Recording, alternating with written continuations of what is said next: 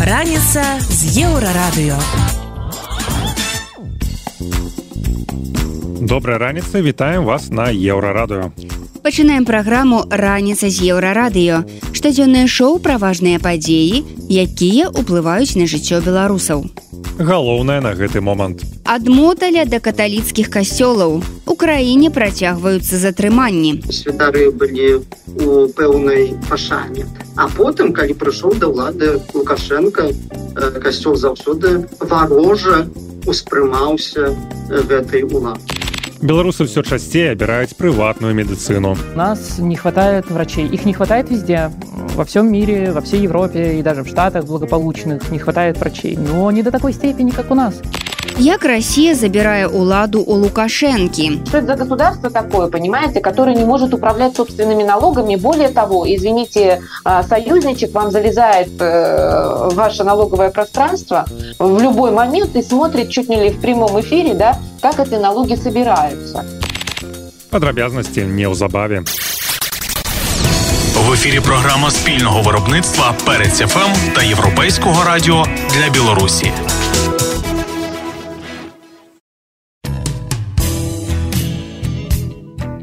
Єврорадіо.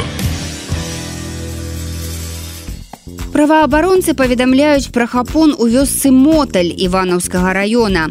А затрыманні закранулі мясцовыя прадпрыемствы, асабліва мясны цэх.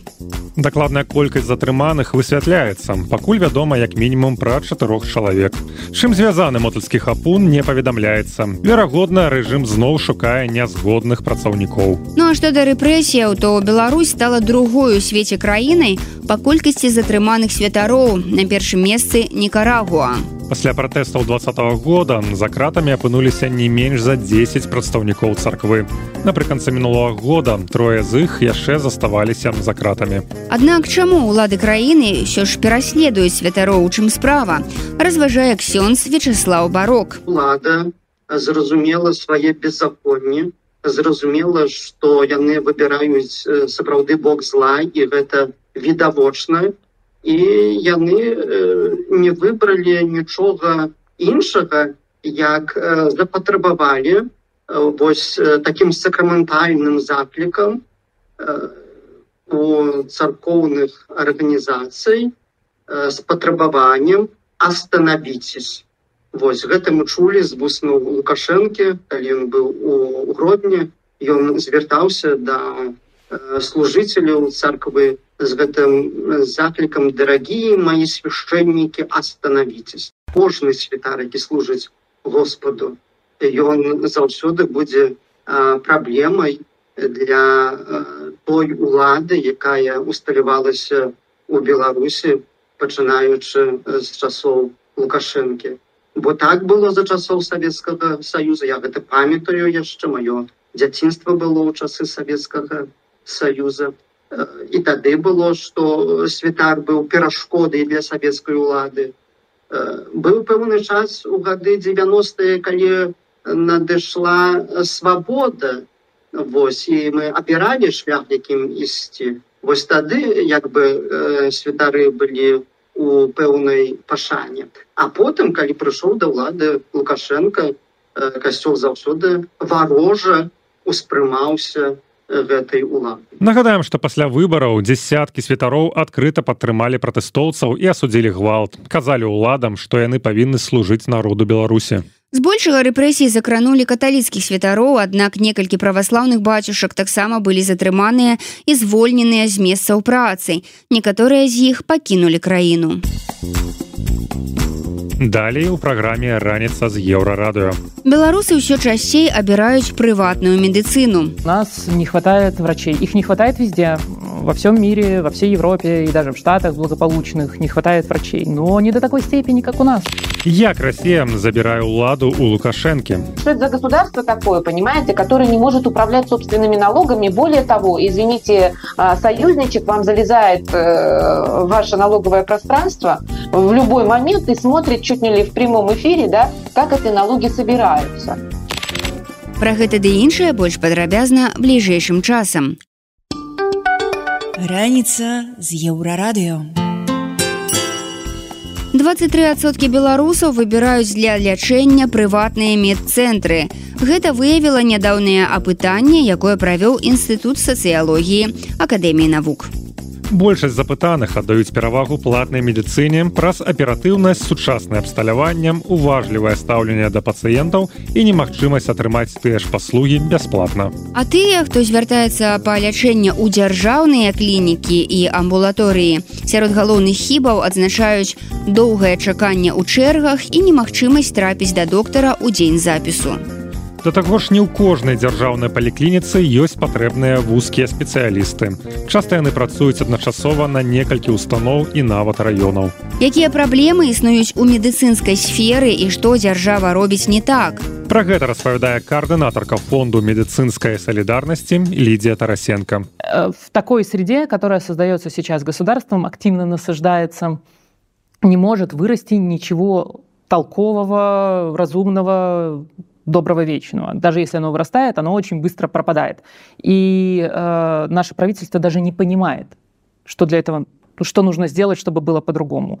А, та же самая история с отработками, которая теперь увеличивается до пяти лет. Реально люди не понимают, что обязательное распределение существовало, ну, я не знаю, с советских времен, да, оно не работает, люди все больше сваливают из страны. Что делает государство? А делает еще больше э, тех же действий, которые приводили к нежелательному результату. Поэтому я думаю, что в правительстве уже почти, почти не осталось или совсем не осталось людей, которые понимают вообще взаимосвязь между своими действиями и тем транзитом, которое мы видим в реальности. Ну и как результат, да, у нас не хватает врачей. Их не хватает везде, во всем мире, во всей Европе и даже в Штатах благополучных не хватает врачей, но не до такой степени, как у нас. А, у нас нету передовых технологий, нету клинических испытаний. Ну, там что-то есть, конечно, на, на, на сайтах Минздрава или РНПЦ. Вы можете найти какую-то информацию о том, что у нас проводится клиническое испытание, но все это профанация. А, у наших пациентов действительно нет доступа до современных э, методов диагностики и лечения. У нас нет системы организации здравоохранения. То есть здравоохранение — это давно уже не про врача с чемоданчиком где-то в поле, который там, я не знаю, дает пациенту морфин. А, она на то и система. Это здравоохранение для того, чтобы у человека была возможность как-то э, более-менее по-человечески э, проживать свою жизнь, начиная там от рождения, заканчивая смертью, чтобы вот этот отрезок человеческой жизни был максимально полноценным, э, чтобы мы не лечили заболевания, а максимально полно занимались их профилактикой. И для этого нужна система которой у нас нет. К сожалению, очень часто мы теперь уже, я имею в виду мы пациенты, белорусы, которые живут в Беларуси, а, понимают, что надо что-то делать, когда уже развилась какая-то симптоматика, когда уже что-то мешает жить. И это очень часто сигнал того, что уже как бы надо было начинать раньше. Но наша система здравоохранения не позволяет, э, не позволяет а, заниматься профилактикой, не позволяет продлевать активное долголетие. И вот это вот все. Поэтому спасение утопающих – дело рук самих утопающих. И очень часто белорусы остаются вот один на один со своими проблемами, в том числе со здоровьем. Тому у цяперашняй ситуации з медыцынай важна самому клапаціцца пра сваё здароўе і своечасова праходзіць агляды, бо перадухіліць хваробу лепш, чым трываць ад яе наступстваў. Далее ў праграме раніца з еўрарадыо. Як Россия забирае уладу у Лукашенки? Что это за государство такое, понимаете, которое не может управлять собственными налогами? Более того, извините, а, союзничек вам залезает э, в ваше налоговое пространство в любой момент и смотрит чуть не ли в прямом эфире, да, как эти налоги собираются. Протягнем неўзабаве. Еўрарадыо. Еўрарадыо. Лукашенко зноў адчувае сябе ў небяспецы. Насуперак ягоным словам пра варожыя заходнія краіны галоўную небяспеку цяпер уяўляе саюзная дзяржава Расія. Як зацягванне вайны ва ўкраіне можа паўплываць на планы лукашэнкі і залежнасць Беларусі ад рассіі на якім этапе знаходзіцца інтэграцыя з усходнім суседам і што будзе пасля? Пра гэта разважае незалежная экспертка і гісторык роза турарбекова. Размову вядзе зміцер лукашук. У чарговы раз лукашенко разважае пра тое что ну можем мы патануть хто праўда мы Беларусь лукашенко губазік азаронак с турам ці хто там можа яшчэ патануть цяжка ну как бы зразумець но безумоўна что у яго ўяўленні калі патоне ён то патоне ўся Беларусь. І нават мы з вами тут вось патонем як мінімум у слезах радасці але тым не менш вот як вы думаете что стаіць за гэтымі яго словамі мы тут неяк подлічылі что ну фактычна кожны год у яго гучала с словы про тое что ну вот гэты год будзе ўжо такі ўжо складаны якіх не было но нам надо справиться нам на тут трэба собраться гэта ну звычайны популізм звычайное такое пустослоўе. Ці ўсё ж таки за гэта за гэтым сёлета прынамсі хотя бы нешта стаіць Ну, в общем, да, это популизм. Популисты любят использовать да, страх как оружие э, и на, на этом фоне да, предлагать какие-то там э, радикальные меры. А, вот. Но а, так как это уже в традиции у Лукашенко, то, с одной стороны, мы это воспринимаем как такой эм, пропагандистский дискурс. С другой стороны, я, я думаю, что он чувствует себя не в небезопасности. Да? И про то, что вот следующий год будет тяжелым, он, по всей вероятности, пытается сказать о том, что э, проблемы, которые как он вдруг увидел, да, там в экономике, в сокращении торговли, вдруг откуда-то взялись последствия от санкций, э, хотя до сих пор этих сан, э, вернее, последствий от санкций не виделись, они не виделись в упор. Вот, это второе. И третье, а, я так понимаю, что Лукашенко еще и оценивает ситуацию в Украине, что эта война затягивается. Затя... Затягивание этой войны, да, продление этой войны для него также оборачивается такой серьезной неопределенностью, потому что Путин будет будет требовать все больше и больше эм, поддержки в той или иной форме, и, э, и давление, я так понимаю, будет оказываться все в большей степени. Вот э, меня, например, интересует, когда появится э, опубликуется да, вот этот план по следующему этапу так называемой союзной интеграции – а, и э, что в этой связи нас ожидает? То есть э, мало как бы было подписано создание наднационального налогового комитета, да? Теперь же этот наднациональный налоговый комитет должен э, начать действовать, да? И у меня еще там следующий вопрос относительно не только косвенных налогов, но и прямых налогов. То есть, в общем и целом, власть у него из рук утекает. Утекает он, э, вроде там пытается изобразить, что все у него в руках, но на самом деле э, власть у него из рук э, уходит. И это благодаря, в первую очередь, не вражеским западным странам, а благодаря союзнику России. И это все, кстати, на фоне войны, э, скажем так, интенсифицируется.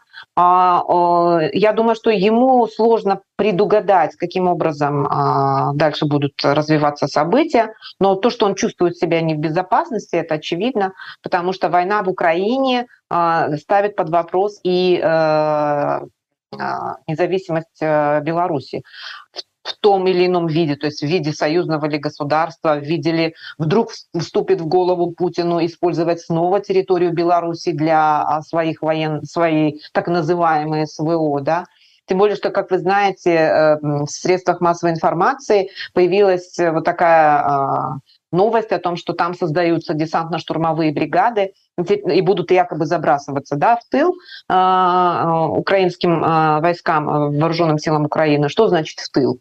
Может быть, через Беларусь? Вот вопрос. Я думаю, что Лукашенко все это не, не, не, не очень нравится. Я думаю, он чувствует себя действительно не очень неуверенно по всем направлениям. Ну, что может быть здесь... Да, я забыла. Плюс э, выборы вот э, выборы мы закранем трошку трошку пазней без этого ну ніяк. Прычым як с аднаго боку мяжы так і з другого боку мяжы але я б хотел удакладніць у вас. Вот вы сказали про тое что улада выцякае з яго рук дзякуючы союзніку Ну то есть России. А можна больш падрабязна что вы маете на увазе? Як якім чынам уладу з яго рук России выбівае Ну э, смотрите они отчитали, что они вот этот этап интеграции завершили. Хотя это неправда. А, там много осталось еще а, этих дорожных да, карт, так называемых нереализованных. И, но по итогам этого этапа фактически начинается наступление на суверенитет. Э, в частности, суверен... под суверенитетом я подразумеваю создание вот этого наднационального налогового комитета, создание вот этой интегрированной системы администрирования косвенных налогов.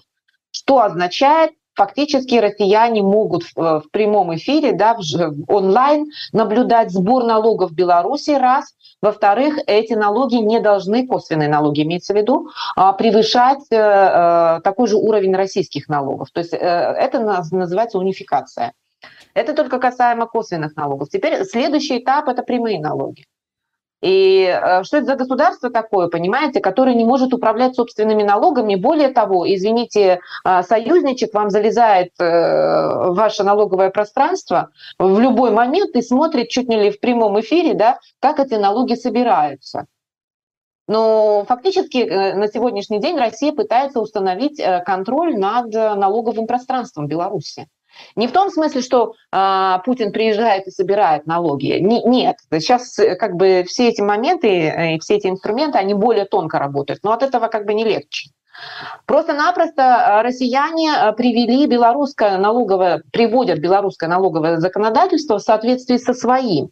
А если вдруг, не дай, не дай бог, белорусы придумают собирать что-то сверх того, да, они э, в этой связи э, могут предъявить как бы э, претензии, требования, потому что они, а, так, так, так работает соглашение. Это интегрированная система, теперь та система, куда российские налоговые органы могут зайти и посмотреть, как реально собирается, а, действительно ли такие налоговые ставки осуществ... вернее, сохраняются, не меняются ли они. И они за этим очень строго и ревностно будут следить, потому что через э, унификацию налогового пространства начинается прямое наступление на белорусский суверенитет. Создается так называемое союзное государство. Ну, почитай империя, да. Вот, поэтому э, вот конкретно, да, вот конкретно. Я уже не говорю о такого рода же дорожных картах там по э, транспортному э, контролю, да, по транспортному пространству. Все вот важные такие инфраструктурные, критически важные инфраструктурные да, э, сферы э, деятельности государства и экономики сейчас подпадают под вот, это, вот эти дорожные карты. При этом взамен Лукашенко на самом деле не получил того, чего хотел. То есть цену на газ по Смоленску, он получил только трехгодовой этот контракт э, по сниженной цене на газ, э, но это не означает, что создано единое газовое пространство, то есть единое пространство газового рынка. Его нет. А Путин должен был подписать соответствующий документ где-то в ноябре, в декабре, я информацию смотрела, пока ничего такого нету. Соответственно, я из этого исходя делаю вывод, что то, чего хотел Лукашенко в реальности, да, получить газ, например, по э, цене Смоленска, он пока этого не добился. Что касается э, нефти, вот почему была подписана э, это, этот договор по налогам и почему унификация происходит? Потому что в, в, в обмен на это россияне как бы отменяли вот этот налоговый маневр но они его отменяют в таком не, а, как это сказать, не системном порядке, а каждый раз они рассматривают, отменить это или не отменить, вернуть или не вернуть. Поэтому, ну, как, как это сказать, тактические успехи какие-то э, промежуточные были, но цена за них стратегически высокая. А цена – это потеря э, суверенитета. Наколькі ад міжнародных канфліктаў залежыць беларуская эканоміка і як сыходзіць украінская павестка?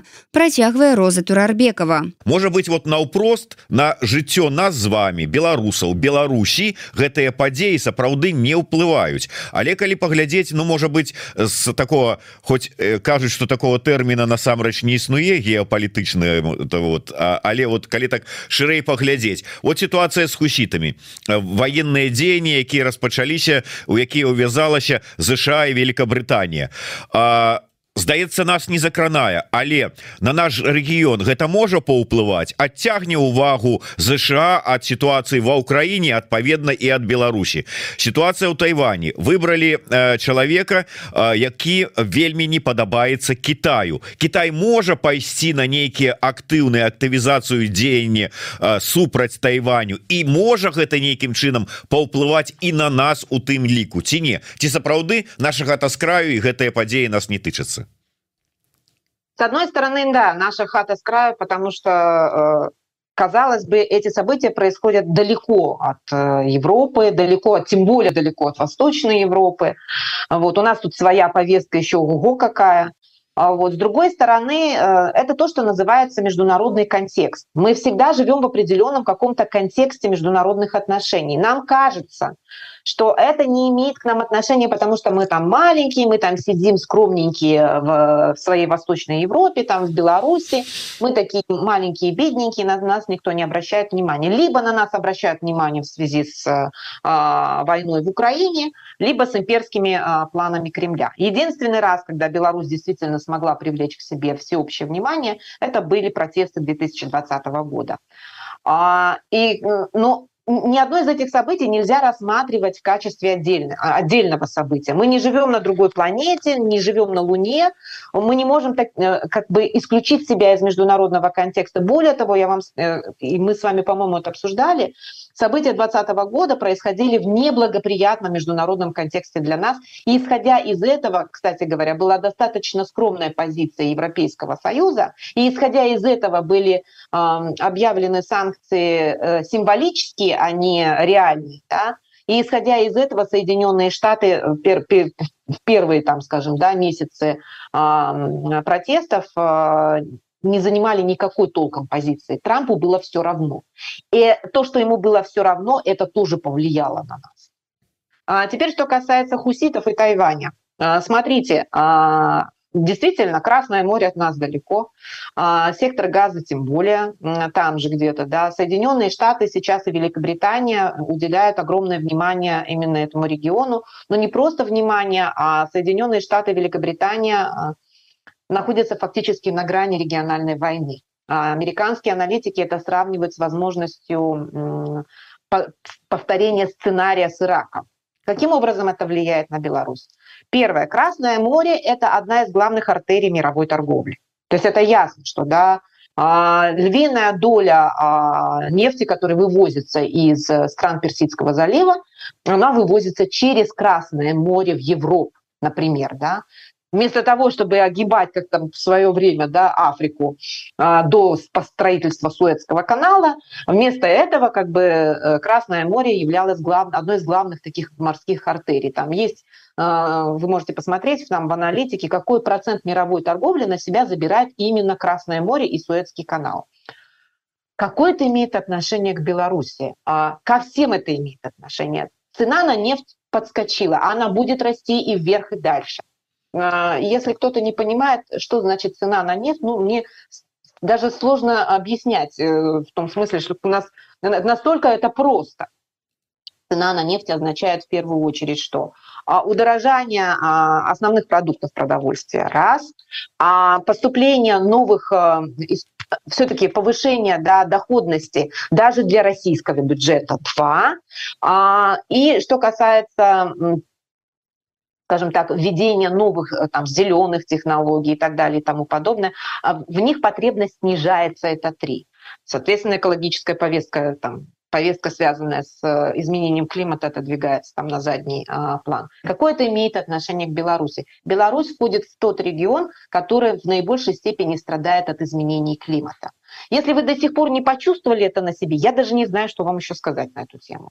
А если э, вы должны, вы должны понимать, что если цена на нефть поднимается, Россия получает дополнительные источники финансирования, соответственно, война продлевается.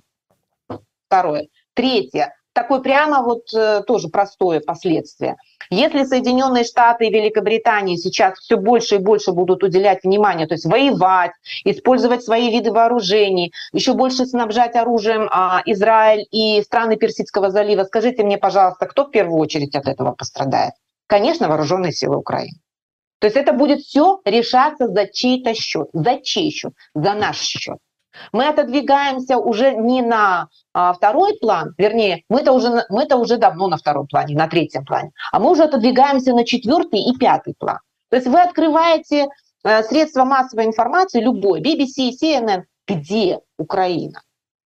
Вот первый вопрос, где Украина? Да? Есть вот эти там, как это, тематические разделы, вы видите, да? Война в Газе, там, где World, да, написано World News, да, война в Газе, война в Украине. Война в Украине уже стоит на втором месте. Теперь посмотрите, на первое место начинает выдвигаться все, что развивается в Красном море. К счастью, редакционная политика сейчас CNN и BBC включила события в Красном море, тем не менее, в Ближний Восток и пристегнула фактически к сектору газа. Хотя вот категорически там политически все выступают, что это не так, что это совершенно отдельное дело. Ну, как бы политики принимают еще решения, исходя из того, что они сейчас тоже смотрят новости. Что сейчас на уме, что сейчас на языке у журналистов? На первом месте сейчас Хуситы и Красное море. И возможность э, развертывания региональной войны. Если сейчас США и Великобритания втянутся в региональную, в большую региональную войну на Ближнем Востоке, где во всей этой ситуации будет Украина? А, соответственно, и Беларусь. Поэтому, с одной стороны, мы, конечно, можем сказать, да бог с ними, с хуситами, с хуситами я это сказала, потому что я про них слишком много написала за последние 2-3 дня, вот, не, не потому что я считаю, что они не важны. Вот. Ну и что касается Тайваня, это достаточно тоже тревожный звонок. Почему? Потому что э, коммунистическое руководство Китая сейчас, э, скорее всего, будет задействовать такие более радикальные, возможно, да, сценарии а, поведения э, в отношении Тайваня. Это, это повлечет за собой вовлечение опять Соединенных Штатов, идет распыление сил США да, и их союзников на вот эту общую мировую повестку. Сектор газа, Красное море, Тайваньский пролив. Где Украина? Где Восточная Европа? Выборы в Соединенных Штатах, это все будет обсуждаться, это все будет вынесено в повестку, естественно, а, этой самой предвыборной кампании. И мы с вами говорили об этом, да, что если Трамп допускается а, к, этому, к этой гонке президентской, если он в праймерис побеждает, то, соответственно, он выходит со своей повесткой. И если кто-то не помнит, я напомню, какая у него основная повестка. Торговая война с Китаем – раз – заключить перемирие с э, тем самым с Россией, да, наладить отношения. Два, э, всем остальным оружие не раздавать, раздавать оружие только Израилю и Саудовской Аравии, Объединенным Арабским Эмиратам, те, кто способен заплатить. Где во всей этой истории Украина? Нигде. Вот и последствия. Вот вам и хуситы. Вот вроде бы, да, кто такие хуситы? Я, конечно, могу еще там рассказывать чисто региональную историю, их личную, их не, не личную, их политическую историю этой группы, которую я сейчас считаю уже не группой, а государством на самом деле. Вот просто политически очень сложно, конечно, произнести вслух, что хуситы уже фактически а, являются основателями государства. У них государство уже строится. Вот. Э, казалось бы, это где-то там, в каком-то там Йемене. Вот я вам рассказываю, в каком он Йемене. А если еще а, события начнут разворачиваться в Красном море таким образом, что будут блокированы все эти мировые а, торговые пути, ну весь этот путь, я имею в виду Суэцкий канал, да, Красное море, весь этот вывоз да, из Азии в Европу. Что я могу сказать? Ну, у нас и так инфляция, да, тут будет еще больше инфляция. И Беларусь, она не отделается. Вот, вот не, не отсидеться, к сожалению. Мы все живем в этом мире и живем по этим законам. Рынок э, на нас, на всех влияет. Это только если построить натуральное хозяйство и устроить феодализм. Тогда да, тогда можем спокойно сказать, да, эти хуситы, да, да, да нам до них дела нет. Тогда да. Гэта была паліталагіня і гісторык Роза Турарбекова. Яна распавяла пра ўзмацненне залежнасці Беларусі ад рассіі і ўплыў новых міжнародных канфліктаў на Беларусь і яе эканоміку. Далей у праграме раніца з еўрарадыё. За кратамі ў беларускай турме памёр чацвёрты палітзняволены. Калі мы кожны дзень гаворым пра палітвязняў, як быццам робім добрую справу. Так мы пра іх не забываемся і так далей. І калі палітыкі гавораць, што для мяне галоўнае гэта вызваліць палітвязняў, таксама мы да яго ставімся ну, з нейкім ну, добры чалавек, які там робіць сваю справу. Але тым жа самым мы падвышаем цану гэтых палітвязняў для лукашэнкі. У брэскай вобласці рэгіструюць выпадкі захворвання на адзёр. Альбо гэта перахварэць на адзёр, то канешне такі недобры варыянт. Вось альбо гэта вакцынацыя. Пра гэта больш падрабязна бліжэйшым часам.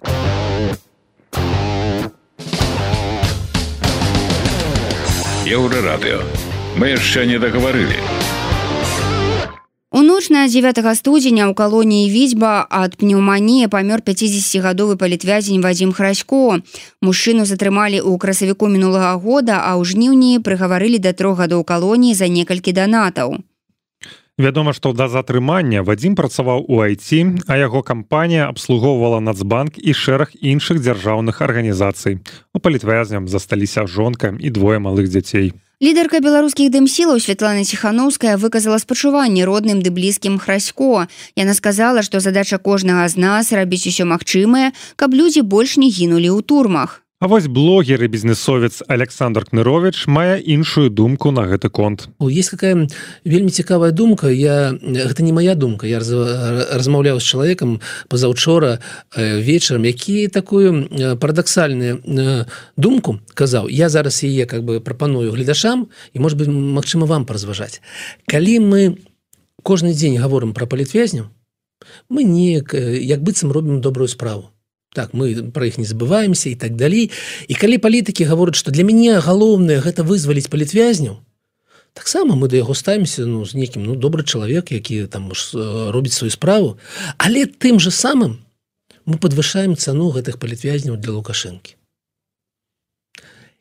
Калі мы не можем нічога ў рэчаіснасці зрабіць у рэальнасці так то калі б мы не гаворылі не гаварылі аб гэтым Мачыма палітвязням было бы лепей Магчыма, яны бы хутчэй выйшлі, Таму што не была бы такая вялікая цана іх і для лукашэнкі у тым ліку. Гэта думка не моя. Я не ведаю, наколькі яна справядлівая, але з пункту гледжання, напрыклад, бізнесу, Ну, напрыклад уявіце себе что вы прыйшлі на там не веку не ведаю на які там базар у Турцыі да гэтага чалавека які стою сто з таго боку з вами як звычайна у яго няма нармальнай цены ён глядзіць вам вочы глядзі на тое як вы апрануты называе цену так і вось вы прыйшлі і замест того каб казаць что вам да ну не падабаецца нам можа не трэба нам гэта гэта там не ведаю хто там куртка ці гэта дываннікі так далее вы пачынаеце яго хватаць і колькі каштуе ты так і так далей от яго не атрываецеся да? І гэты чалавек з таго боку а лукашенко каб у тое ж самае сознание гэтага как бы малого гандляра.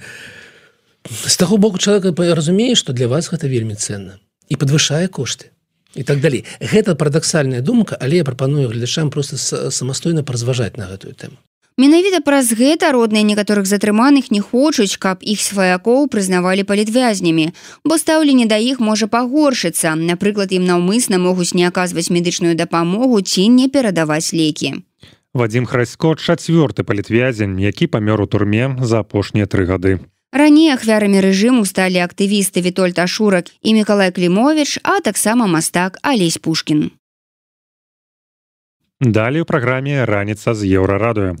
У брэскай вобласці рэгіструюцца выпадкі адру. Альбо гэта перахварэць на адзёр, што канешне такі недобры варыянт. Вось альбо гэта вакцынацыя.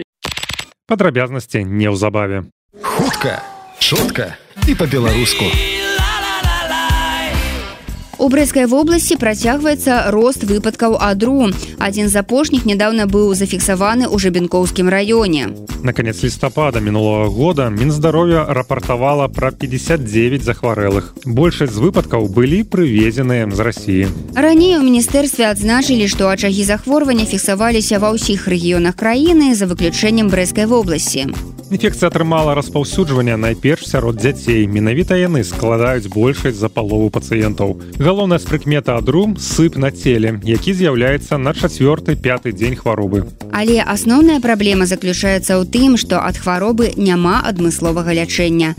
Як абараніць сябе, распавядае педыятр Михаил Самборскі. Атрымаць імунітэт, то бок такая такую абарону ад гэтай інфекцыі мажліва толькі э, двума шляхамі альбо гэта перахварэць на адзёр э, што канешне э, такі недобры варыянт Вось альбо гэта вакцынацыя і трэцяга няма у першую чаргу вакцынаваць трэба дзяцей бо паміж імі рызыка перадачы хваробы вышэйшая. Напрыклад у дзіцячым садку альбо школе. У групе рызыкі таксама знаходзяцца і студэнты. Аднак выявіць адзёр могуць і ў дарослага чалавека.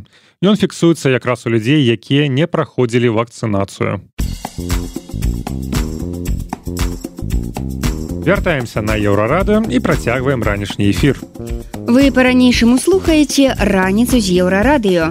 Інфармацыйнае шоу пра важныя падзеі, якімі жывуць беларусы і іншы свет. І вось што цікавага мы распавядзем далей. Чаму ў беларускай турме памёр чарговы палітвязень? Гэта забойства ад імя дзяржавы. Ці магчыма ў Беларусі грамадзянская вайна? Реально белорусское общество от гражданской войны очень далеко и слава богу. Як дэмакратычныя сілы працуюць з моладдзю і вырашаюць яе праблемы. Именно молодежь должна быть инициатором всех действий. Мы можем влиять на все решения, которые принимаются в Совете Европы. Пра гэта ды іншае больш падрабязным цягам бліжэйшай гадзіны.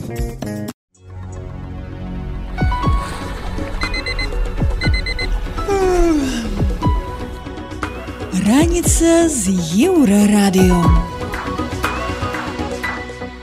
У беларускай турме памёр чарговы палітвязень Вадзім Храсько. Гэта адбылося ў ноч на 9 студзеня праз запаленне лёгкіх. У турму мужчына трапіў у 2023 годзе за некалькі данатаў, але ўсе акалічнасці справы пакуль невядомыя.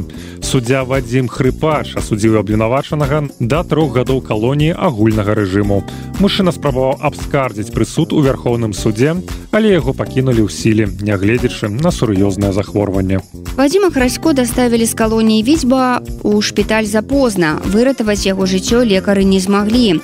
Беларуса пахавалі ў мінску, яму было 50 гадоў. Сітуацыю выданню радыё свабода пракаментаваў Алексей Лявончык, сузаснавальнік фонду дапамогі байхелп і праваабаронца Леонид Судаленко. нам приходила розная інфармацыя з адкрытых крыніц э, тое што яго была інваліднасць э, яшчэ да пасадкі Ну як бы мы заходзімся да заходзім з таго што ён уже быў цяжка хворы і я так разумею калегі з вясны пацвярджаюць што яго нельга было сушаць Таму што такая хвароба як у яго стой стой не адпраўляюць калі б у нас была нармальная так сказать э, правая сістэма Суддзя Сергей Хрыпач вядомы сваімі жорсткімі прысудамі. Я ўпэўнены, што Хрыпач цудоўна ведаў, што э, Вадзім можа не выйсці з калоніі з такім прысудам, даў яму такі прысуд. Таму і гэта не адзіная ягоная так сказаць э, вердыкт, які э, які ён вынес э, хворым людзям. Вадзім адбываў тэрмін у віцебскай калоніі нумар 3, вядомай як відзьба. Адміністрацыя калоніі, цяперашні яе начальнік Філіп Стурченко і іншыя афіцыйнай структуры інцыдэнт ніяк не каментуюць. Былы палідзняволены праваабаронца Леонид Судаленко правёў у калоніі відзьба паўтары гады. За гэты час там памерлі тры зняволеныя. Калонія нумар 3 відзьба. Яна такая калонія як бы для былых для былых службоўцаў дзяржслужачых вось такое для міліцыянтаў прокурору вельмі багата так там таких вось асуджаных які адбываюць пакаранне вельмі багата іншаземцаў з розных краін я там сустракаў Вось что тычыцца медицины Ну я скажу так что у я не ведаю як у других месцах я буду казаць толькі про тое что я там сустрэў я таксама заехаў туды з праблемамі со здароўем у мяне таксама бы быў дыагноз цукровы дыабет і за полторы гады знаходжання там я не один раз не змог нават памераць узровень цукру у сваёй крыві тому что гэта там ну вось я ну напэўна гэта было немагчыма сузаснавальнік фонду байхелп алексей лявончык лічыць што як і алесю пушкіну не аказалі належнай медычнай дапамогі калі яго уже давезлі ў шпіталь то у яго уже немагчыма было адкачаць то бок я можа быть я замахваюся вельмі моцна але паколькі я не професійны праваабаронца я б сказаў что тут відавочна просто не аказанне медычнай дапамогі ў турме як з пушкіным тое самае то то бок класычная сітуацыя на жаль для наших. І ну таксама вядома что ён не адзін быў у э, турме звязняў які э, могуць адтуль не выйсці і вясна склала спіс людзей з цяжкімі захворваннямі якія могуць не выйсці ну на жаль як мы бачым наши прадказанні э, спраўджваюцца что люди працягваюць э, паміраць але сістэме гэта ощик Але я не разумею напрыклад калі не палітычны 35гадовы хлопец з вечара лёг а з раніцы не прачнуўся пры мне гэта было у той жа відзьбе і гэта не гвалтоўная смерць гэта не заточка Бог гэта не гэта тое вот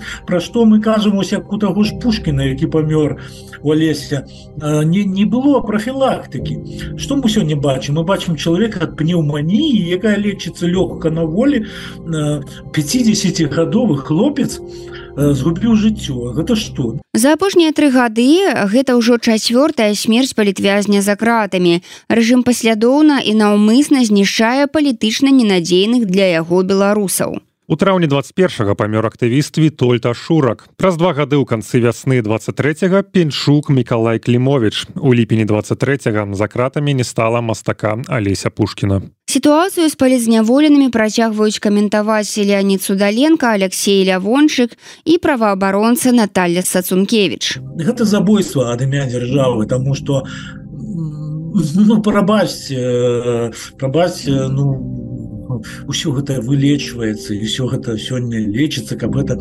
своечасовая праваабаронца вясны Наталя сацункевич кажа што гэтая сумная тэндэнцыя працягваецца і што кепскія ўмовы ў беларускіх турмах і калёнях не паляпшаюць здароўя палітвязняў. Усе вязні ў беларусі палітычныя таксама цяжка і шмат працуюць у худасных умовах. Гэта і дрэваапрацоўка гэта там чыстка дротаў жалезных жанчыны працуюць на ткацкай вытворчасці вельмі дрэнна там выконваюцца патрабаванні па абароне труда і таму э, бываюць і траўмы розныя бывае у калоніі і само харчаванне у месцах зняволення ну, не спрыяе таму каб чалавек захоўваў сваё здароўе ну і агульная сітуацыя э, няма доступу да квалікаванай медычнай дапамогі вялікія праблемы са стаматалогіі напрыклад бо вязні паведамляюць аб тым што адзіная форма лікавання зубоў якую прапаноўваюць у калоніі это просто вырваць зуб і калі чалавек сидзі некалькі гадоў то можа так пазбавіцца амаль усіх зубоў у якія ёсць я вспоминаю выпадки калі я прыходзіў з тэмпературы 37,4 37,8 мяне калоцяць уж ужо я прыходжу у медпункт і і прашу вызваліць мяне ад працы каб несці ў холодны цех неатапліваемый мінус 20 на вуліцы каб просто сидеть на бараку накрыцца коўдраю взять кава это кубок гарбаты гэтай ды сугравацца а мне той урач як ляпіла іх там называюць людзей у белых халатах ну, слово врач для іх не подходит насамрэч гэта лепілы А ён кажа вось вам таблетка до вечера пройдзе іх такое стаўленне было да палітычных у першую чаргу менавіта тых хто насіў жоўтыя біркі Вось і до 38 наогул до 38 тэмпература там не лічыцца за тэмпературай гэта адносна да палітычных Чаму варта апублічваць інфармацыю пра стан здароўя палітвязняў не трэба молчаць тому что от того что будете молчать э, просто помрет система збольшая не будзе оказывать многим положить на здоровье и коли его отвезут в шпиталь еще будем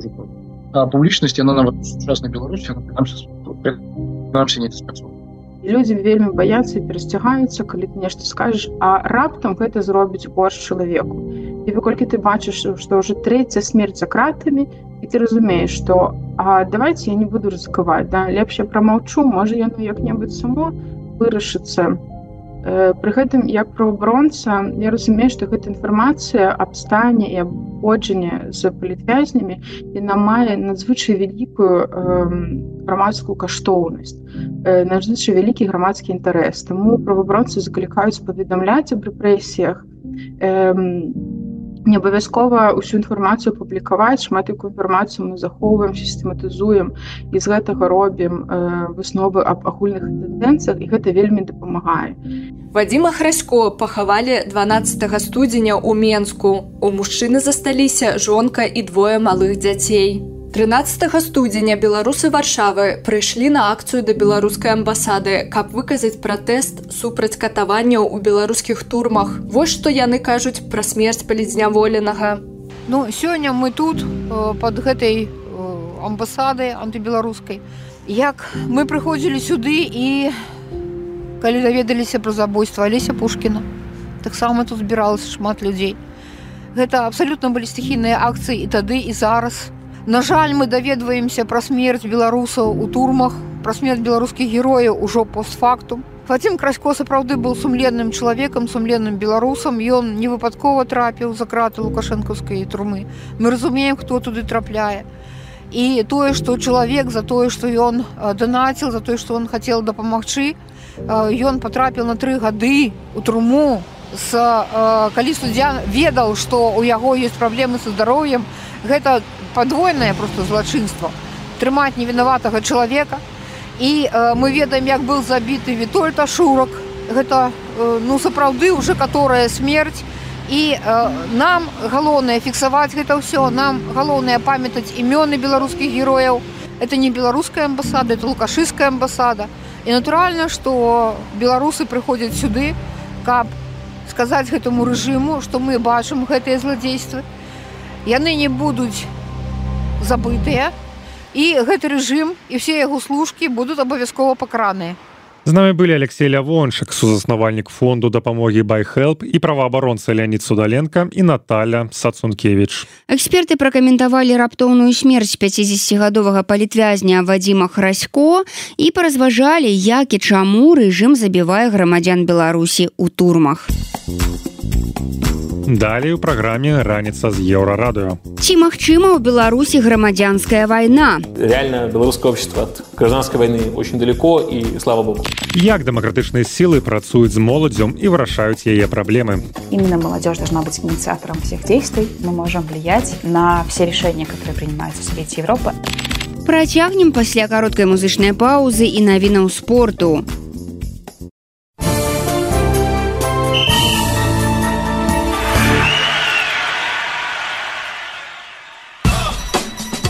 На еўрарадыё навіны спорту. З Аўстралія Ноупен выбыла ўжо ў першым раўндзе беларуская тэнісістка Александра Сасновіч. Барацьбу працягвае Арына Сабаленко, якая ў стартавым паядынку разграміла Элу Зайдель з Геррманіі 6061. Наступная саперніца чэшка бренда Фрухвіртава. Вікторыя Азаренко ў аўторак у першым раўндзе згуляе з італьянкай Камілай Джорджы. Беларуская тэнісістка Вера Лапко прыняла рашэнне завяршыць гульнёвую кар'еру ва ўзросце 25 гадоў. Яна доўгі час не магла цалкам аднавіцца пасля траўмаў на каленях. Найвышэйшай пазіцыяй лапко ў сусветным рэйтынгу было 60 месца. У баскетбалістаў мінска 22 паражэнне запару адзінай лізе ВТБ. На гэты раз яны на сваёй пляцоўцы саступілі маскоўскаму МБА 7986. У хакеістаў шахцёра 12 перамога запар у беларускай хакейнай экстралізе. У апошнім паядынку па булітах быў абыграны лакаматыў 4-3. У салігорцаў 70 ачкоў, у віцебска на 4 менш. Мінская дынама ў чэмпіянаце КХл абыграла чалябінскі трактар 3-1. У каманды 49 ачкоў пасля 49 гульняў. Дынамаўцы па-ранейшаму займаюць восьмае месца ў заходняй канферэнцыі. Пераможцам кантынентальнага хакейнага кубка стаў номад з Казахстана. У суперфінале, які прайшоў у кардыфе, былі абыграны сапернікі з Уэльса, Даніі і Польшчы.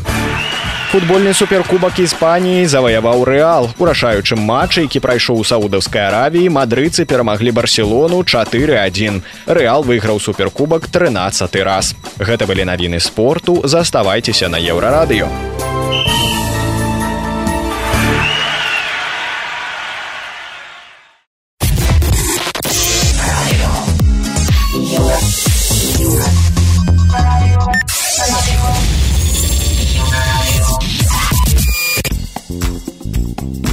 Усім зразумела, што большасць беларусаў негатыўна ставіцца да лукашэнкі і збудаванай ім сістэмы ўлады. Ягоны рэйтынг быў ужо не вышэй за плінтус, калі б у людзей была магчымасць публічна заяўляць пра сваю пазіцыю. Вось ва ўкраіне Лукашенко па ўзроўню нянавісці і пагарды займае другое месца пасля Пуціна. Але ў рассіі пры гэтым акурат зваротная сітуацыя. Па інфармацыі левады цэнтра і іншых даследчых інстытутаў рассіі рэйтынг беларускага аўтакрата ў расіян досыць высокі і даганяе рэйтынг Пуціна, а можа нават і часова перавысіў яго падчас навагодніх святаў. Але ці сапраўды Лукашенко настолькі папулярны ў рассіі? На пытанне выдання Маланка адказвае палітолог Дмітрый Балкунец. Если мы посмотрим исторические вот, данные по поводу популярности Лукашенко в России по разным данным Левада, в ЦИОМ и какие-то иные социологические опросы, которые проводятся, то есть некая зависимость, она связана с тем, как российские медиа подают персону Лукашенко. Например, в период каких-то обострений между Кремлем и Лукашенко у него рейтинги регулярно падали. А, то ли это было связано с реальными объективными данными, то ли это так подавали информацию, это уже не знаю, здесь не могу сказать. Но есть еще такой феномен, Беларусь воспринимается в России как а, нечто свое как э, не из-за границы, а как что-то вот близкое, да, и, может быть, этот феномен тоже играет значение, и Беларусь воспринимали как э, дружественно Лукашенко как руководителя страны, его воспринимали именно в этом образе. Плюс у многих есть э, ряд стереотипов, что Лукашенко сохранил там заводы, фабрики, там все чисто, значит, люди там не голодают, э, у всех колбаса есть со сметаной, мясо, молоко. Плюс есть также восприятие Беларуси через продуктовую линейку, которую россияне покупают в магазинах. Это тоже играет значение. Вот. Поэтому в какой-то степени, наверное, феномен Эм, ну, некого отношения к Лукашенко позитивно существует э, на самом деле в обществе российском. И события 2020 года э, частично эм, э, ну, ударили по нему, по его репутации, потому что среди людей, которые относились к Лукашенко позитивно, было разочарование у многих. Я знаю, что они очень негативно его восприняли, то, что он делал в 2020 году, из 2020 года. Вот. Но, может быть, сейчас на фоне войны, которую Путин с Лукашенко развязали против Украины, э, может быть, есть э, в этих данных, которые социологи дают, э, необходимость как-то подавать картинку так, как им нужно – выдавая Лукашенко за некого там суперсоюзника. А я напомню, что было у Лукашенко с рейтингом в Украине до 24 февраля 2022 года. У него был, он был самым популярным политиком в Украине. И за одну ночь обнулился до 2% практически. Обвалился его рейтинг до 2%. Это говорит о том, что ну, сегодня он популярен, а завтра не очень.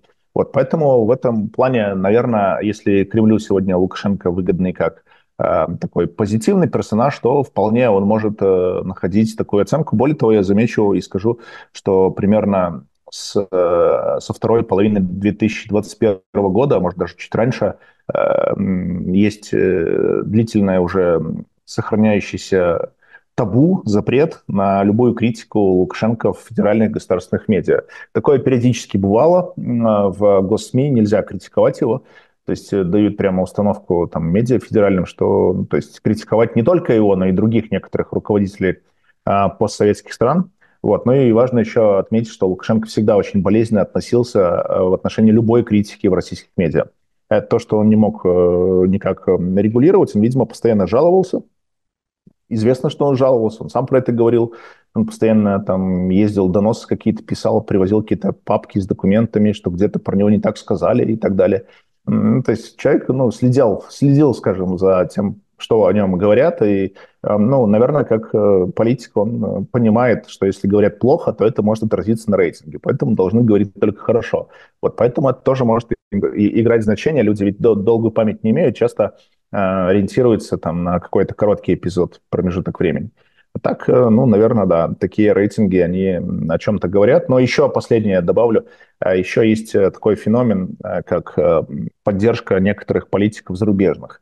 Своих могут не любить, а зарубежных могут любить, особенно тех, которые нравятся. Вот, может быть, с этим связано. Прадстаўлена да лукашэнкі яго жорсткую палітыку беларускае грамадства сёння фактычна расколатае на баку рэжыма чыноўнікі і сілавікі за перамены большасць беларусаў як унутры краіны так і па-за яе межамі сацыёлагі ўпэўненыя што абодва лагеры моцна палярызаваныя паміж сабой і не гатовыя ні пра што дамаўляцца. Усё гэта стварае перадумовы для распальвання грамадзянскага канфлікту, у чым упэўнены шэраг палітычных аналітыкаў. Дык ці магчыма ў Беларусі грамадзянская вайна сваім меркаваннем дзеліцца палітолог Вадзім Мажейка. Гражданская война это, конечно, такой крайний радикальный сценарий, когда, в общем, две части общества не просто не могут найти э, какой-то э, консенсус, а когда, в принципе, э, у них есть взаимное понимание, что вместе жить невозможно, и единственный способ решения – это, ну, по сути, отсутствие решения конфликта, а просто физическое устранение оппонента.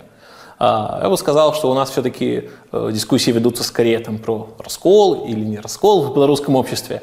И это, конечно, даже так идейно-ценностно, далеко от гражданской войны. А, ну и, безусловно, для гражданской войны нужно не просто какие-то такие радикальные желания, фантазии разных сторон, а нужна вот именно такая идейная к ней готовность.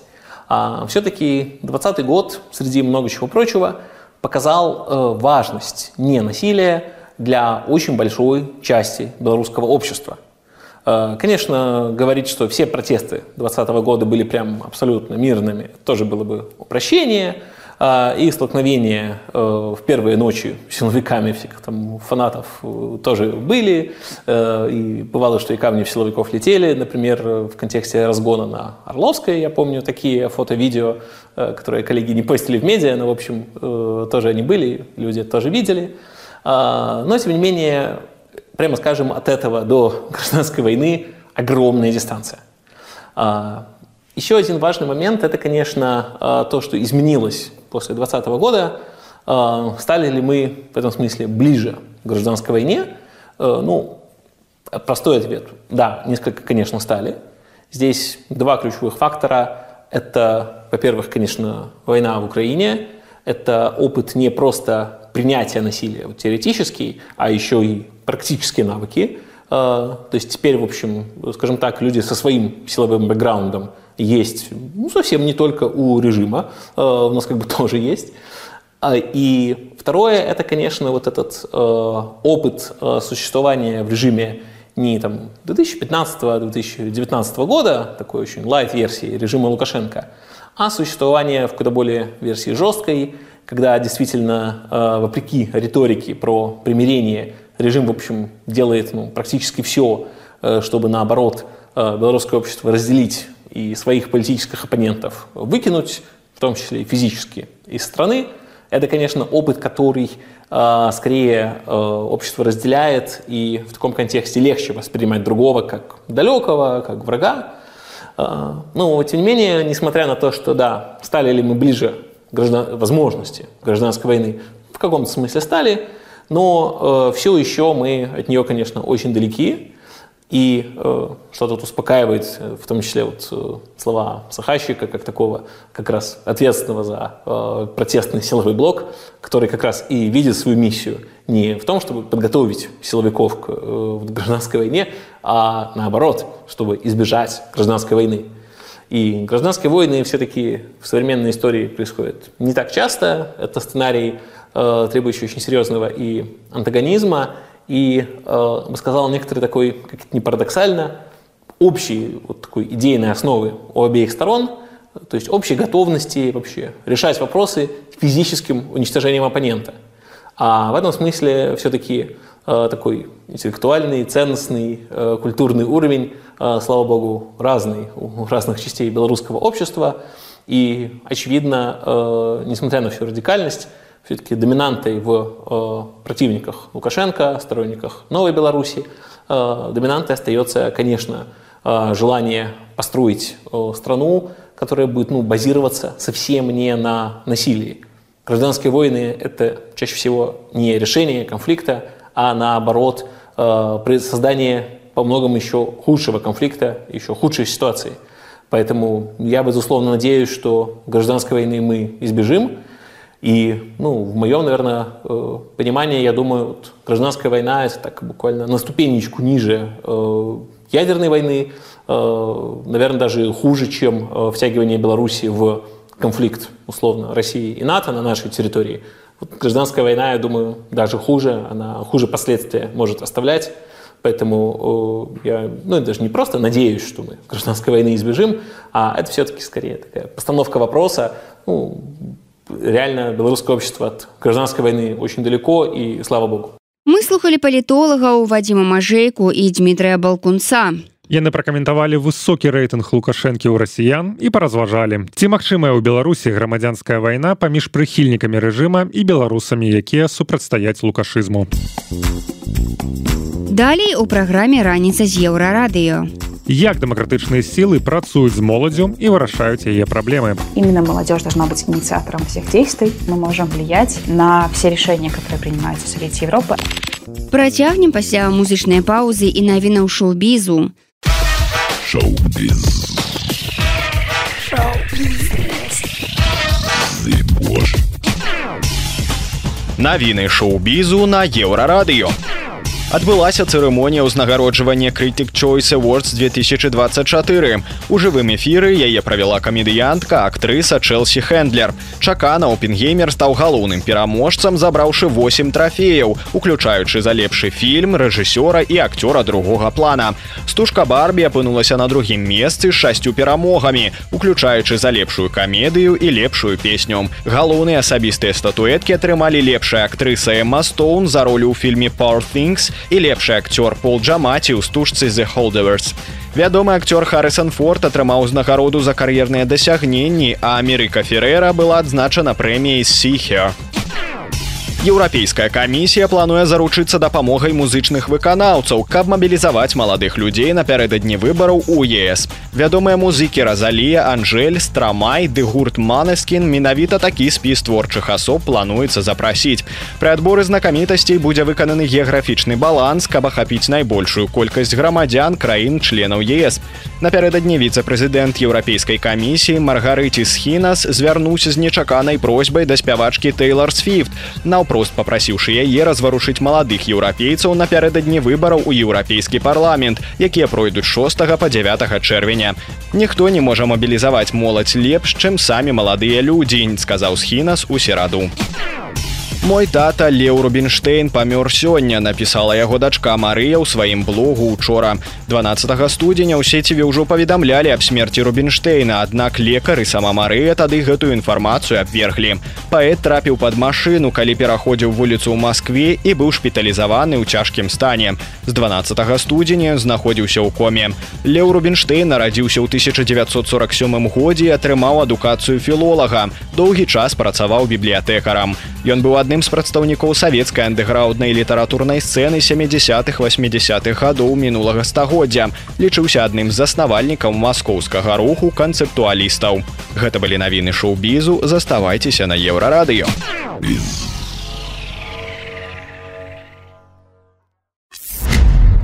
Еўрарадыё. Еўрарадыё. У склад беларускіх дэм-сілаў уваходзіць шмат людзей з розным досведам і экспертызай. Адна з найбольш маладзейшых прадстаўніц Маргарыта Ворхава, дарацца Святлана Ціхановскай па маладзёжнай палітыцы і студэнцтве. Акрамя гэтага дзяўчына з'яўляецца прэзідэнткай маладзёжнай арганізацыі рада, а ў 23 годзе яна стала лаўрадкай узнагароды маладая жанчына Еўропы 23. Ці цяжка маргарыці прасоўваць праблемы моладзі. Што рабіць, калі хочацца вучыцца ў Еўрасаюзе, але няма магчымасці. Чым дзяўчына занятая ў офісе ціхановскай. На гэтые ды іншае пытанне актывістка отказала выданню «Настоящее время». Есть э, довольно большой пул стипендий, которые открыты для молодых людей из Беларуси. Эти стипендии собраны в одном месте на нескольких платформах, первая из которых это «Света Бай», а вторая — это довольно новая белорусская организация молодежная, которая называется «Ado Place». Вот. У них есть э, прекрасная сортировка по разным стипендиям, по разным программам, на которые можно податься и бесплатно поехать куда-нибудь учиться. Что на сегодня делается и сделано вами, как представительницей офиса Светланы Тихановской? Есть моя внутренняя стратегия работы, в которой есть там не только объединение молодежных организаций и молодежи в единую супольность, что довольно тяжелый и кропотливый процесс, который займет какое-то время, и внесение рекомендаций от молодежи в разные документы вроде стратегии перехода к Новой Беларуси. И в целом, наверное, самое такое большое направление — это введение молодежи в процесс принятия решений, так как в Беларуси это не работало никогда. Мы были таким э, субъектом, который обычно воспринимался как такой красивый элемент, который можно пригласить на конференцию, посадить, чтобы это была красивая картинка. Но это никогда не было тем, что мы принимаем какое-то решение как молодежь, доносим его до какой-то структуры, до государственного органа, и этот государственный орган это решение принимает, и нам отчитывается по этому решению. У нас никогда не было такого процесса. Я пытаюсь его выстроить хотя бы в демократических силах, прописать процесс того, как это будет работать в Беларуси будущего. Какие-то измеримые результаты Самый яркий, наверное, и самый очевидный – это то, что молодежь появилась в речах Тихановской. То есть, так как я работаю в офисе, моя задача в, пер в первую очередь в том, чтобы помогать Светлане Тихановской, помогаю ей говорить про молодежь так, чтобы это было валидно для молодежи и доносить месседжи молодежи через нее. То есть на всяких встречах, вроде консультационных групп, различных встреч с министрами, с а, парламентариями, с а, а, президентами разных стран, есть молодежная повестка как, как отдельная часть всей э, проводимой работы. То есть мы всегда агитируем за большее количество ресурсов в молодежный сектор, новые образовательные возможности, новые возможности наших организаций для обмена опытом с разными странами. Трудно ли на фоне главной повестки политзаключенных поднимать проблемы молодежи? Трудно, очень трудно. Еще учитывая то, что у нас в обществе есть очень много стигматизации молодежи и молодых людей, и никогда молодежь не выделялась как такая... То есть выделялась, но скорее это было, опять же, с точки зрения того, что молодежь — это просто э, ну, люди, которых нужно вырастить, которых нужно, над которыми нужно брать патронаж. Эти идеи транслируются э, в форме подачи, что нам нужно показать молодежи, как нужно делать свою работу, и сказать молодежи, что делать, буквально. То есть наша цель в том, чтобы вырастить поколение молодых людей, которые смогут понимать, что им нужно самостоятельно, и доносить свои идеи и решения до органов власти. Вы работаете и в офисе Тихановской, и в офисе Рады. Вы все это делаете одна? Так как я занимаю еще позицию президентки Рады, мои активности часто входят в каждую из моих деятельностей, в каждую из вот этих вот шапочек, которые я меняю. Вот. Поэтому технические команды у меня нет, но у меня есть Рада. То, что я делаю в Раде, помогает молодежи, то, что я делаю в офисе, помогает молодежи. Все довольны. Вопрос нагрузки, но это вторичное. В офисе э, одно из, одно из самых больших достижений это то, что в разных консультативных группах, контактных группах появилось именно молодежное направление. Например, в Страдиалоге США была отдельная панелька, посвященная молодежи что довольно большой успех. На донорских конференциях тоже появились панели, уделенные молодежи. Мы говорим отдельно про молодежь теперь как группу, которой нужно отдельное внимание и отдельный ресурс на нее тоже должен быть выделен, оказывается.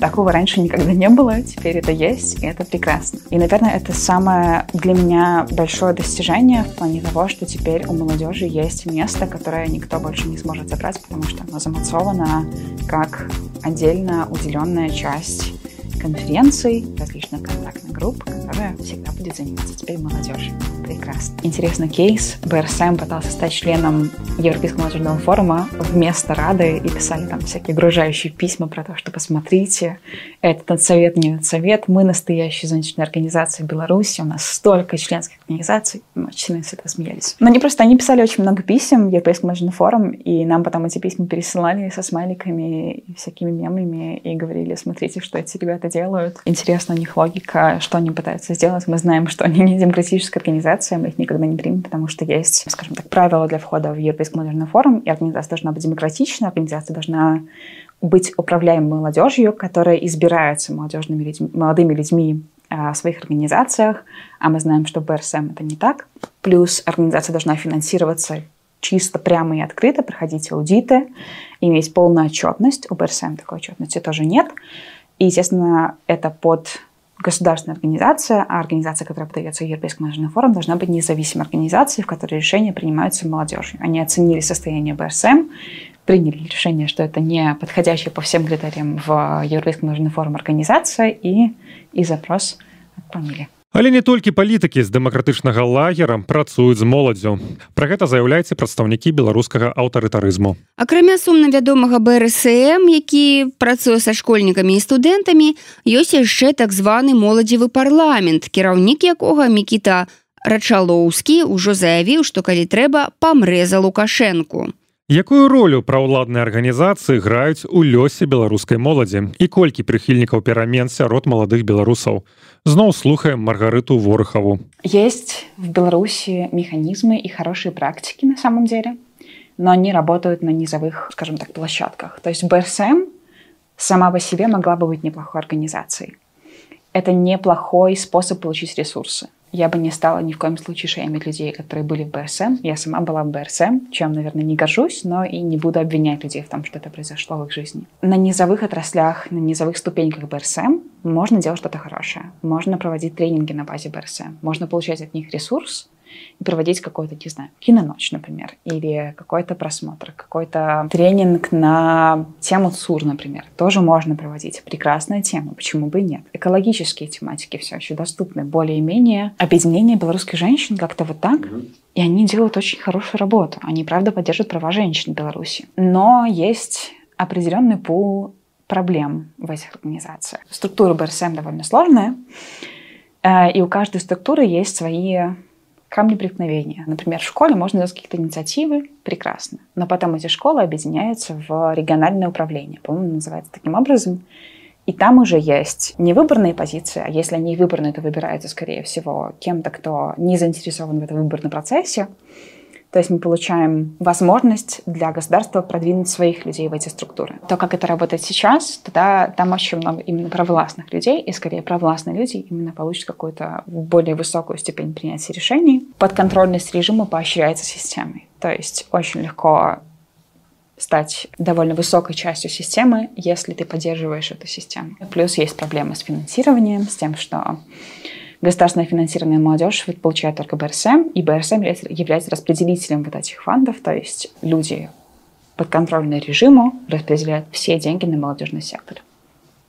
Нехорошо получается. Организация, которая занимается распределением ресурсов, должна быть независимой, не подконтрольной государству. Может быть отдельная фундация, в которой могут быть представители государства, но это должен быть коллективный орган принятия решений, в котором есть представители разных организаций, а не одной организации – в котором борт, принимающий решения, является тоже открытым, транспарентным и отчитывается о своих принятых решениях, почему они приняли именно такое решение.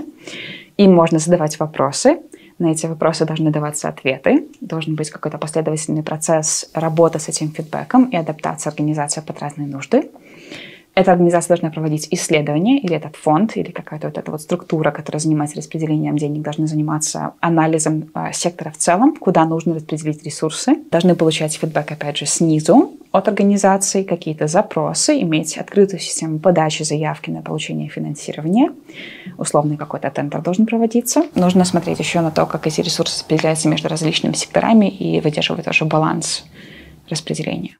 Когда избиралась Светлана Тихановская, Некоторым молодым людям было 15. Тогда, возможно, они не интересовались политикой. Сейчас у них есть возможность пойти на выборы. Как думаете, сколько из них сторонников перемен? Мне хочется верить, что такие люди есть, но это мнение построено исключительно на вере и каком-то собственном мнении, потому что у нас нет хорошей статистики мы вынуждены опираться на какие-то отрывки информации, которые получаем. По этим отрывкам мы видим, что довольно хороший процент молодежи склонен к переменам, больше процент, чем, например, более, более старшее поколение, что приятно. Но я не могу дать даже точные цифры, потому что у меня есть какие-то цифры, которые я видела в каких-то исследованиях. Есть тренд к тому, что молодежь более настроена на перемены, чем остальные группы населения, и это этот интерес, как бы желание, стремление к переменам растет именно среди молодежи что вдохновляет, но я не знаю, насколько это точная цифра. Люди никогда так сильно активно не участвовали в местных выборах и особенно в выборах Народного собрания, потому что не было интереса к политике, никогда, ну, как бы не было ощущения, что на что-то влияет, что мы, выбирая политиков местного уровня, что-то изменим. И никогда не было вот этой вот э, выстроенной цепочки того, что человек, которого я выбираю, например, на позицию, не знаю, местного депутата, который будет представлять мою повестку, что-то правда для меня изменит, что я через этот инструмент могу на что-то повлиять. Поэтому мне кажется, что большого количества молодых людей на выборах нам ждать не стоит. Но это ни на что и не влияет. Я бы не стала бойкотировать выборы, просто потому что это возможность для молодых людей обучиться тому, что такое голосование,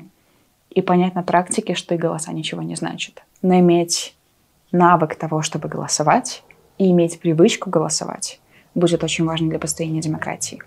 Поэтому запрещать молодым людям идти голосовать я точно не стану. Агитировать их идти голосовать я бы тоже не стала, потому что эти выборы не являются выборами. Но при этом это может быть шанс для молодых людей, которые хотят избраться в какие-то местные органы. Я не говорю про высшее народное собрание, но будут еще местные выборы депутатов, на которых потенциально кому-то более-менее нейтральным, но настроенным на не режим, можно было бы проникнуть в эти структуры и построить какую-то более-менее демократическую систему управления хотя бы на местах или хотя бы продвигать демократические идеи мягким образом среди структур.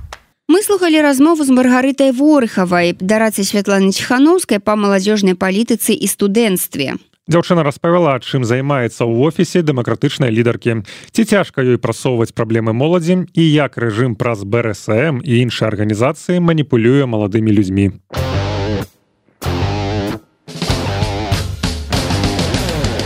Еўрарадыё.